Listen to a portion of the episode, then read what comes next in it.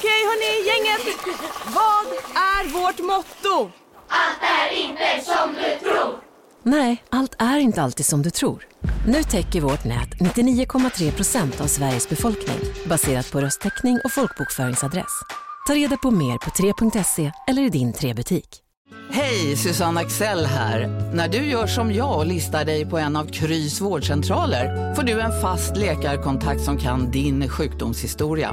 Du får träffa erfarna specialister, tillgång till lättakuten och så kan du chatta med vårdpersonalen. Så gör ditt viktigaste val idag, lista dig hos Kry. En nyhet. Nu kan du teckna livförsäkring hos Trygg-Hansa. Den ger dina nära ersättning som kan användas på det sätt som hjälper bäst. En försäkring för dig och till de som älskar dig. Läs mer och teckna på trygghansa.se. Trygg Hansa. Trygghet för livet. Välkommen till Universums hemligheter, din podcast om det mystiska och övernaturliga. Jag är din värd, Oskar Panizza, och jag är redo att ta dig på en spännande resa till en värld bortom det vi kan se med våra egna ögon.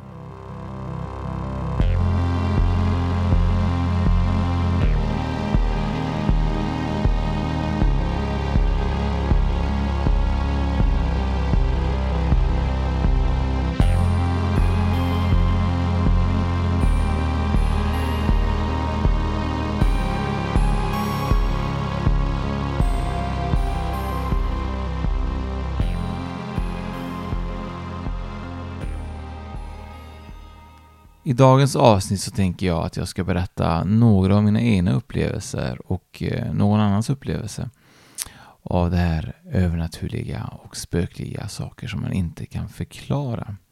Lite grann saker som alla kanske inte är med om, men vissa är med om och inte vågar prata om. För att det är liksom lite tabu ibland att prata om sånt här inför andra människor. Och eh, igår så var det så att P4 Väst ringde oss på Oskar och Fredrik, alltså min andra podd som jag har med Fredrik Hopp. Och eh, det de ville var att vi skulle vara med ett inslag på P4 Väst där vi pratade om just spöken. Det som hade hänt var ju då att det var några norskor som hade blivit gripna i Strömstad för att de hade brutit sig in i ett hus som sägs vara hemsökt i Norge. Och eh, de hade skrämt upp varandra och de hade tydligen tagit narkotika. Så att eh, P4 Väst ringde, var de då, eller ringde, de kom upp och mötte upp oss. De, de som kallar då spökexperterna tydligen då. Och det var väl jag och Fredrik. Eh, lite kul att få just eh, den benämningen att vara en spökexpert och så mycket expert är jag faktiskt inte. Men eh, det är kul att få dela med sig om olika saker och att eh, folk vet också att eh, vi har kanske lite koll på läget.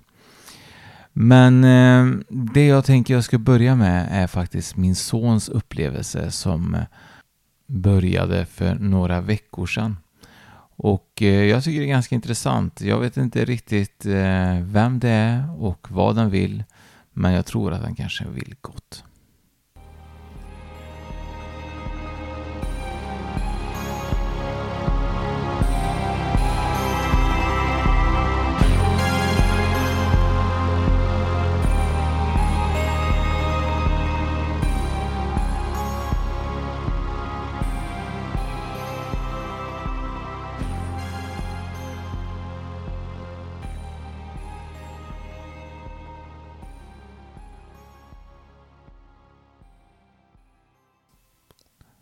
För ett par veckor sedan så vill min son gå ut och ta en promenad på kvällen. Han känner att det är dags efter att han har varit inne hela dagen och eh, spelat tv-spel och bara varit inlåst i det här tråkiga, regniga vädret.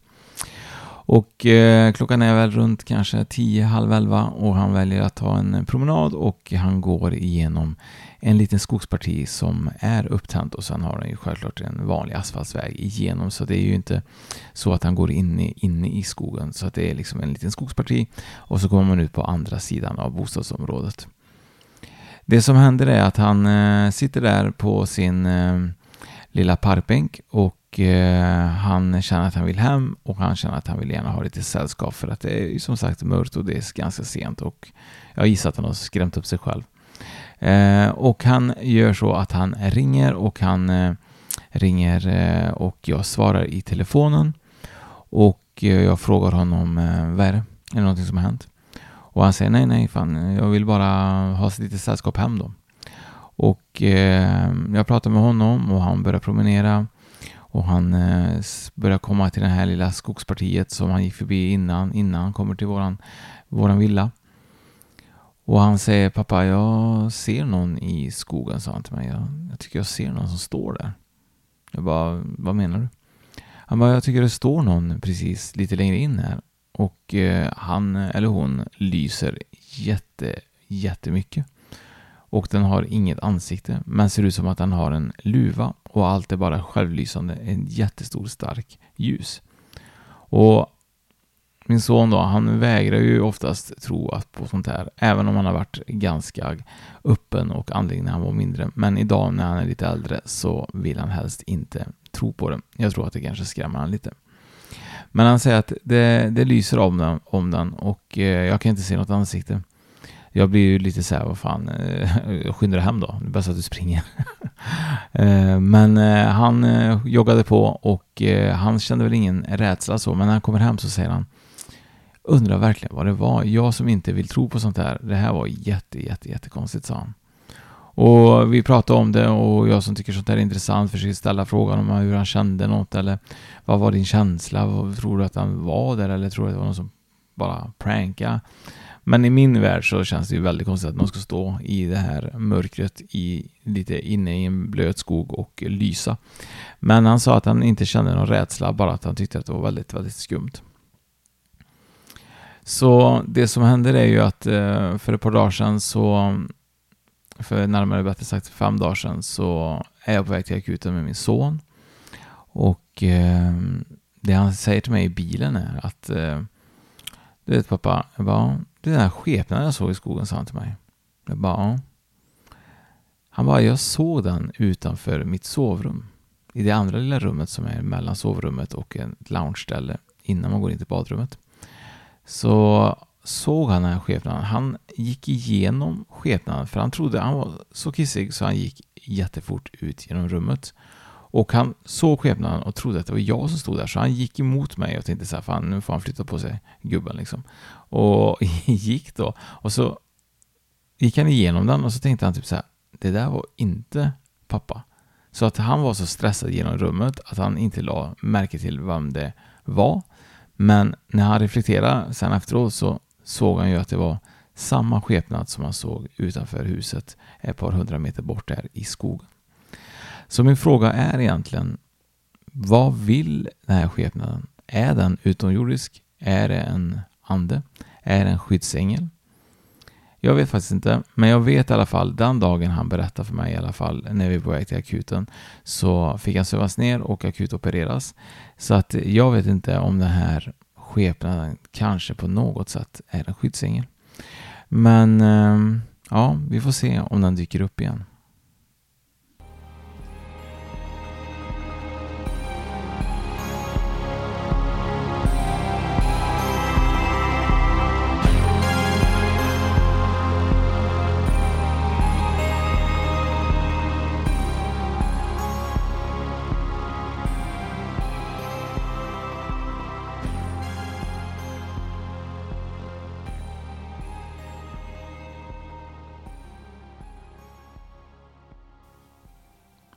Nästa upplevelse är ju min egna upplevelse och jag får nog säga att det här är en av de där upplevelserna som på något sätt ändå satt lite spår i mig när jag var mycket, mycket yngre än vad jag är idag.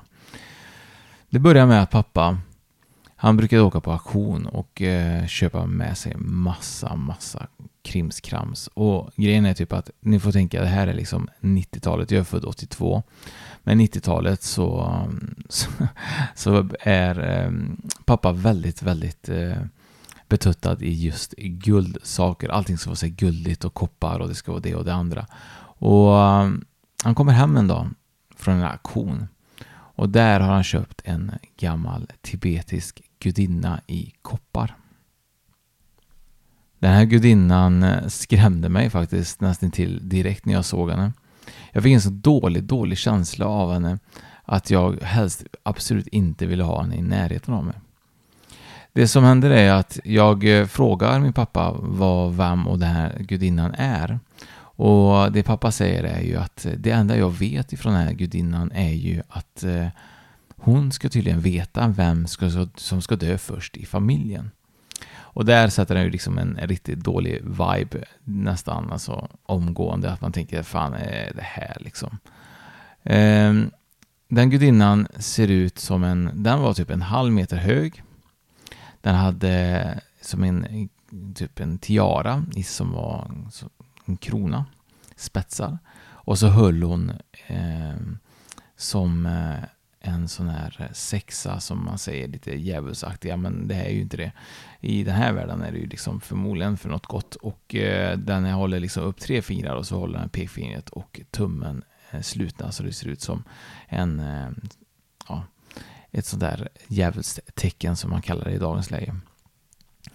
Och det som händer är ju att varje gång jag ska sova så vill jag gärna inte gå förbi den här gudinnan, statyn. Så att eh, jag tycker den är läskig. Och på den tiden så bodde vår mormor hos oss, så att jag vet att mormor eh, brukar gömma den lite grann åt mig, för mig liksom, när jag skulle gå förbi eller vände den så att den tittade in i väggen. Och... Men jag fick otroligt, otroligt mycket mardrömmar av den här statyn. Jag drömde att den här statyn jagade mig när jag sov. Och eh, ibland så blev hon en, en riktig kvinna, förvandlades till en riktig kvinna. Med en blå klänning kommer jag ihåg. Som eh, gick efter mig och eh, var riktigt, riktigt läskig. Idag så tror, tänker jag typ att det här kanske inte var en vanlig dröm. Det här kanske var att hon var hemsökt och hemsökte mina, mina drömmar. Men jag visste inte så mycket mer om den här statyn och jag hade nästan glömt den, att den eh, satte så mycket skräck i mig när jag var liten.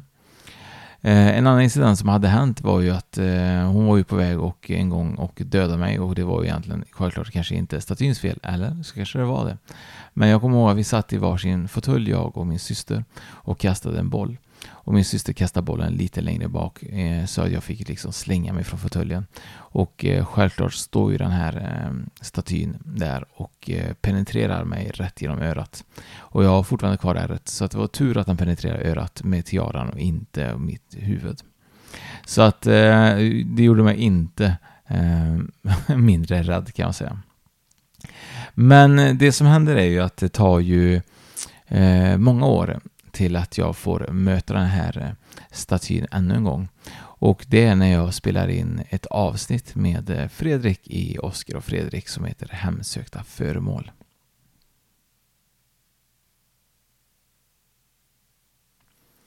Det som händer är att vi pratar om hemsökta föremål och mitt under avsnittet så kommer jag faktiskt på att fan, undrar om inte den här statyn jag hade hemma är hemsökt. För vi hade gjort sån här research och allting tyder på liksom att ja, men du kan få mardrömmar, du kan få det och du kan få det andra.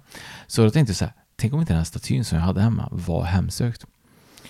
Så att eh, Fredrik bara, fan kan vi inte ta reda på hur den ser ut? Och vi pratade om det i podden, ska vi inte lägga upp henne liksom på, en, på bild, på cover liksom? Jag bara, jo men det kan jag göra.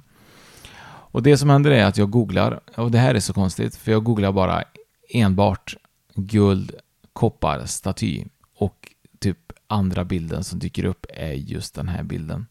Och det är en, eh, en person som säljer den här statyn på Swarovski. Så jag tycker att det är så jävla lustigt så jag tänker typ så här, jag får kolla lite närmare och så går jag in och så finns det ett telefonnummer och jag ringer det här numret och inget svar. Och jag smsar också och får inget svar. Jag smsar och skriver ett meddelande och förklarar för dem att... Eh... Hej Sverige! Apoteket finns här för dig och alla du tycker om. Nu hittar du extra bra pris på massor av produkter hos oss. Allt för att du ska må bra. Välkommen till oss på Apoteket. Big Mac har miljarder fans över hela världen. Under mer än 50 år har den skapat popkulturell historia. En legend med 100% nötkött och den mytomspunna såsen. Nu finns Big Mac för bara 39 kronor på McDonalds. Hej, Synoptik här. Livet med glasögon ska vara bekymmersfritt. Därför får du 30% på alla glasögon när du väljer Synoptik All Inclusive. All service ingår alltid. Välkommen till Synoptik. Vem jag är och att jag spelat in ett eh, poddavsnitt och jag är intresserad av den här statyn och vill gärna veta lite mer information om de vet någonting om mer om den här. Jag får inget svar. Det dröjer nästan säkert en vecka minst alltså innan jag får ett sms från ingenstans och frågar vem jag är och hur jag har fått numret. Och eh, jag förklarar då att jag såg att ni sålde den här eh, gudinnan, statyn på eh, Swarovski och ville bara veta lite mer om, eh, om den. Det jag berättar nu är eh, inte riktigt eh, kanske så det jag, jag, kan säga så här, jag får tyvärr inte berätta så mycket mer om eh, vem det var som hade den här statyn för att den här personen som hade den här statyn var, blev ganska känd egentligen på nyheter på, på grund av en anledning när personen gick bort. Och eh, det var också lite läskigt för att jag hade läst om den här artikeln och eh, på något konstigt sätt så sammanflätades vår historia med den här statyn. Men eh, det som var är ju då att eh, den ägaren som hade den då var inte ägaren som hade den men det var en familjemedlem som tyckte om den här statyn väldigt mycket. Och eh, det som berättas är ju då att eh, personen säger att nej, jag hade inte den här känslan. Jag tyckte om den här statyn väldigt mycket. Men eh, det som är väldigt, väldigt olustigt är ju det kommande svaret jag får. Och hon skriver så här till mig. Jag gillar den här statyn, men du ska veta en sak. Det är nämligen så att när vi kom in med den till Swarovski så eh, skulle vi värdera den. Och eh, när vi köpte den så hade den ett stort hål i benet. Och eh, när vi skulle värdera den så var hålet eh, igen lagat.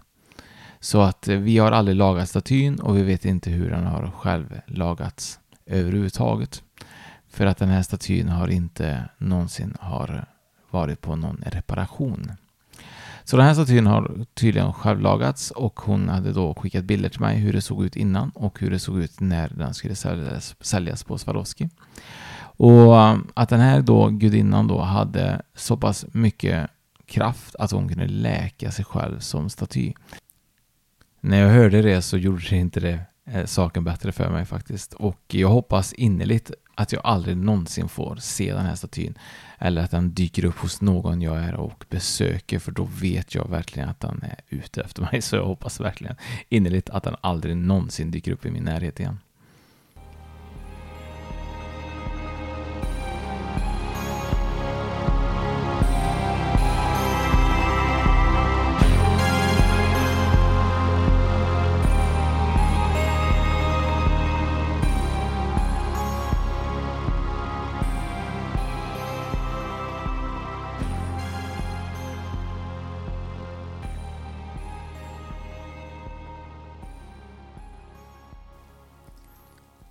Här sista historien för dagen handlar egentligen om min syster.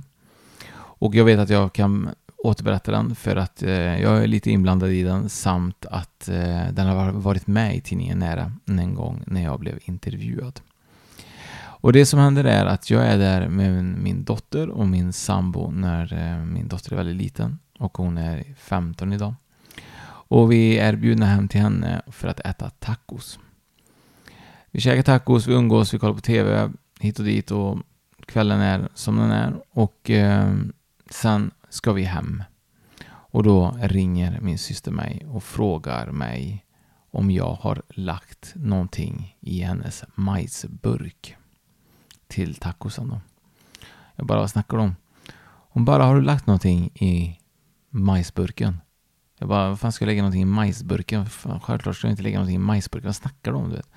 Hon bara hörde ett ljud i sovrummet. Ett prasslande ljud i sovrummet. Men jag kunde inte koppla vad det var. Så jag gick dit och kollade och det var ingenting där. Sen helt plötsligt så hör jag någonting i majs, alltså i burkarna, alltså i köket så hör jag ett ljud. Och jag tittar igenom alltihopa och ser att i majsburken, där inne ligger ett kors. Det här korset är jättegammalt. Jag bad den självklart skicka bild till mig. Det är eh, ett, ett kors som är eh, jättemörk eh, i metallen och den saknar typ alla sådana stenar, för den har så stenar mitt på korset. Men det finns inga, de är helt borta. Som att det någon gång har varit det. Och jag bara, nej fan vad konstigt och vi kunde ju liksom klia oss i huvudet. Det här korset har jag aldrig sett och det är ju inte mitt och det är inte hennes och det är inte någons. Hur fan har det hamnat i majsburken? Vi kunde liksom inte liksom på något sätt ha en förklaring till vad som hände just den dagen. Men eh, syrran känner ju någonstans att eh, det här är ju ett tecken kanske på beskydd eftersom det är ett kors. Så att eh, så att hon eh, väljer att ta på sig det här. Och på den tiden så hade hon en pojkvän som eh, skulle iväg till Stockholm och hade problem lite grann med sin son. Och eh, de åker iväg och så har de på sig det här korset och de är på en fest tillsammans. Jag vet inte om det är något bröllop eller vad det kan vara. Och jag vet att det blir en stor kalabalik och det blir liksom riktigt kaos på den här festen. Och det blir liksom våldsamt. Eh, hon kände någonstans då att det här korset då som hon tog på sig var ett sätt att eh, beskydda henne. Men historien är inte slut där. För det, det som händer, händer många år efter och vi får reda på var det här korset kommer ifrån. Det är nämligen så att eh, min mormor som eh, bodde hos mig när jag var liten och eh, uppfostrade mig väldigt länge i många, många år som jag ansåg vara en nära som en mamma. Hon får en stroke och eh, hon hamnar på sjukhuset och får sån här afasi tror jag det heter va? När man inte kan prata. Och eh, det som händer är ju att eh, min moster ifrån USA och hennes man kommer till Sverige för att de vill ju självklart vara nära hennes mamma. På sjukhuset eh, sitter vi och pratar. Dagarna går. Hon eh, ligger där eh, på sjukhuset med en massiv stroke och är på väg att gå bort så att vi är ju mer eller mindre bara där och väntar på att det ska hända. Och vi kommer in på de här historierna om spöken och andlighet. Jag vet inte om man alltid gör det, men vi gör det då i alla fall när, när vi hamnar i den här situationen. För vi vill gärna hoppas på att någonting ska, ska finnas, självklart. Och eh, det som händer är ju då att jag berättar den här historien om eh, min syster och halsbandet när jag är där. Och eh, moster säger till mig, bara, hur såg det här eh, korset ut då? Sa hon till mig då.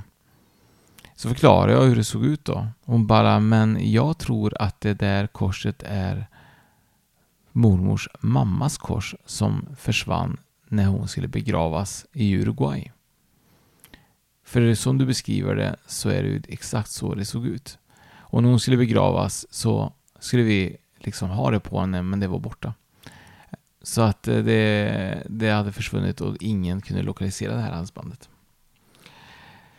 Så jag ber min syster att skicka en bild på det här korset till mig och eh, jag visar moster den och eh, det visar sig att eh, hon känner igen den mycket väl och att det här är just det korset som, som hon skulle ha haft på sig när hon skulle begravas men ingen kunde hitta.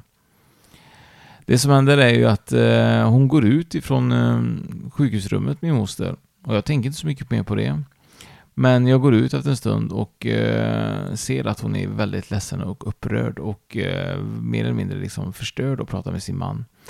Och det hon eh, säger är att eh, hur kommer det sig att hon har fått korset ifrån henne då eh, och inte jag som alltid hade velat ha det korset när innan hon skulle begravas. Det är verkligen en sak jag vill ha som minnen. Och så får Andrea den då, som min syster heter. Och inte jag, du vet så här. Och jag bara kände någonstans typ så här att jag bara, vad fan spelar det för roll liksom? Hon fick väl den för att hon kände väl att hon behövde den kanske. Och inte du. Och, och jag bara skämdes nästan ögonen ur mig för att min moster betedde sig som att hon vore liksom ett barn i det här läget.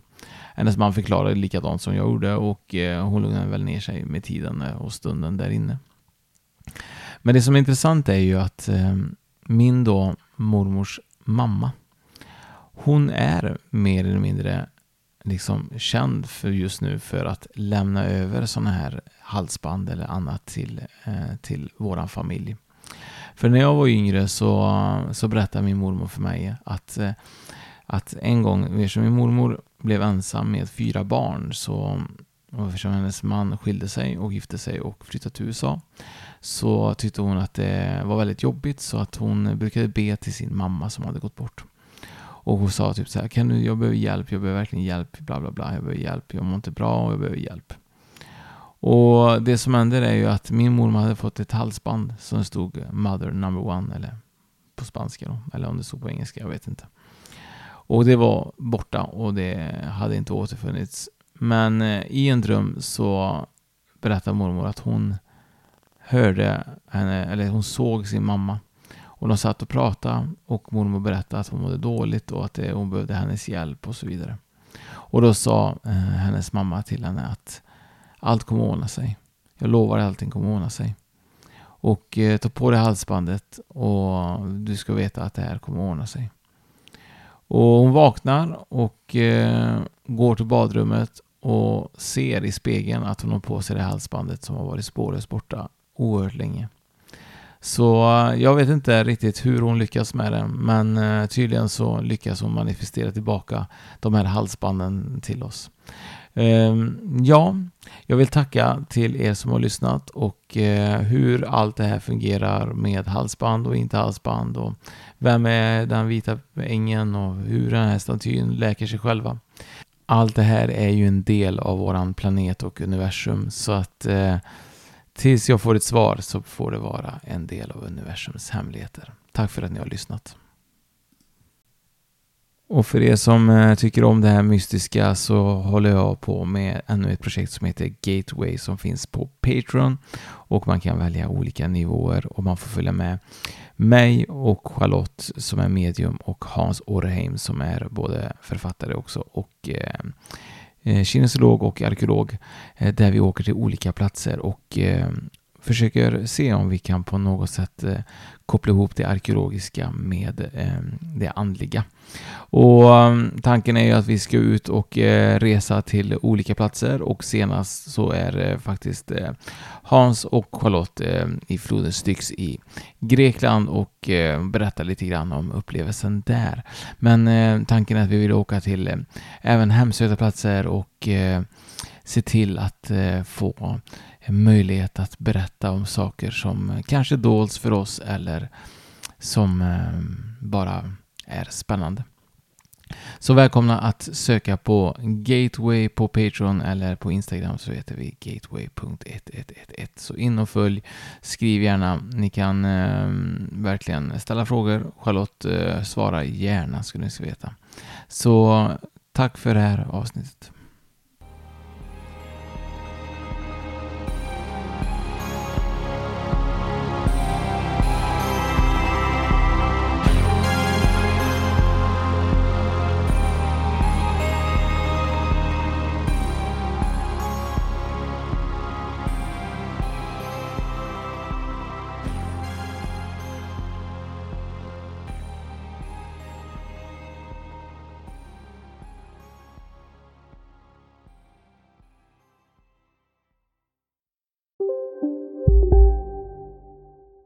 Välkommen till Maccafé på utvalda McDonalds restauranger med Baristakaffe till rimligt pris. Vad sägs om en latte eller cappuccino för bara 35 kronor? Alltid gjorda av våra utbildade baristor.